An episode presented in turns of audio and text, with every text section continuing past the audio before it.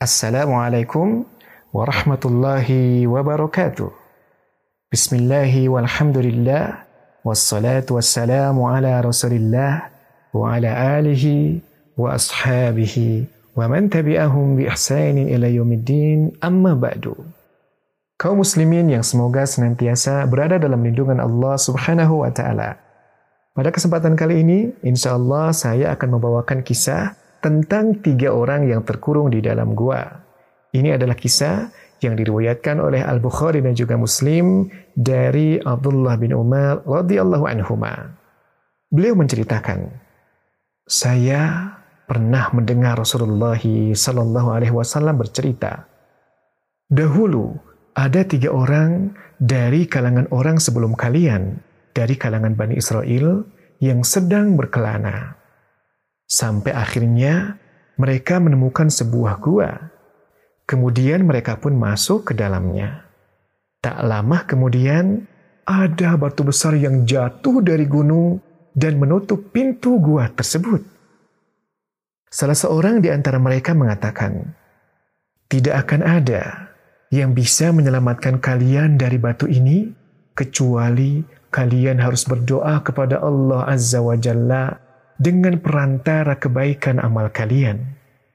Kemudian salah seorang di antara mereka berdoa, Ya Allah, sesungguhnya saya mempunyai dua orang tua yang sudah renta, dan saya tidak pernah mendahulukan selain keduanya, baik keluarga maupun pelayan, untuk meminum air.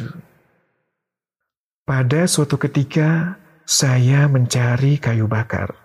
Sampai tatkala pulang, saya mendapati keduanya telah tertidur. Maka saya pun memeras susu untuk makan malamnya. Namun saya dapati keduanya sudah tertidur pulas. Saya enggan untuk membangunkannya. Dan saya tidak mau memberikan susu tersebut kepada orang lain sebelum keduanya. Sehingga saya menunggu dengan tetap memegang gelas hingga keduanya terbangun sampai terbit fajar. Sementara anak-anakku merengek meminta minum di bawah kakiku. Sampai akhirnya kedua orang tuaku terbangun lalu meminum air susu tersebut. Ya Allah, kalau sekiranya hal itu saya lakukan karena ikhlas mengharap wajahmu, maka keluarkanlah kami dari tempat ini. Maka batu itu pun bergeser sedikit. Akan tetapi, mereka belum dapat keluar dari goa itu. Orang yang kedua mengatakan, Ya Allah, sesungguhnya saya mempunyai ponakan yang paling saya cintai. Dalam riwayat lain dikatakan, dan saya mencintainya sebagaimana cintanya seorang laki-laki kepada perempuan. Maka saya menginginkan dirinya, namun ia menolaknya. Hal itu berlangsung sampai datang suatu masa paceklik yang membuatnya kekurangan. Hingga pada suatu hari, ia datang kepadaku. Maka saya pun memberikannya uang sebanyak 120 dinar agar dirinya mau saya pergauli.